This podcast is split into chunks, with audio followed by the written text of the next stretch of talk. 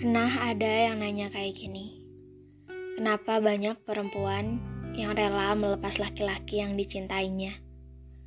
Karena ada banyak hal yang tidak bisa diubah.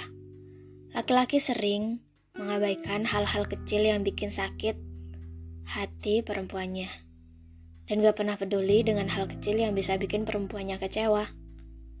Sering melakukan kesalahan berulang kali dan diberi kesempatan berkali-kali pun, tapi tidak pernah dihargai.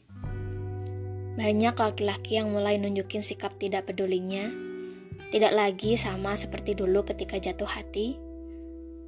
Aku dan dia sekarang seperti tidak diinginkan tapi tidak dibuang.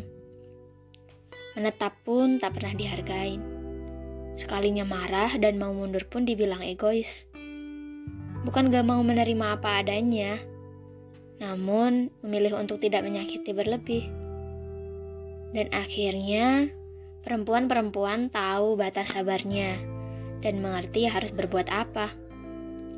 Mari berpisah, bukan karena sudah tidak mencintai, tapi mari berhenti untuk tidak saling menyakiti.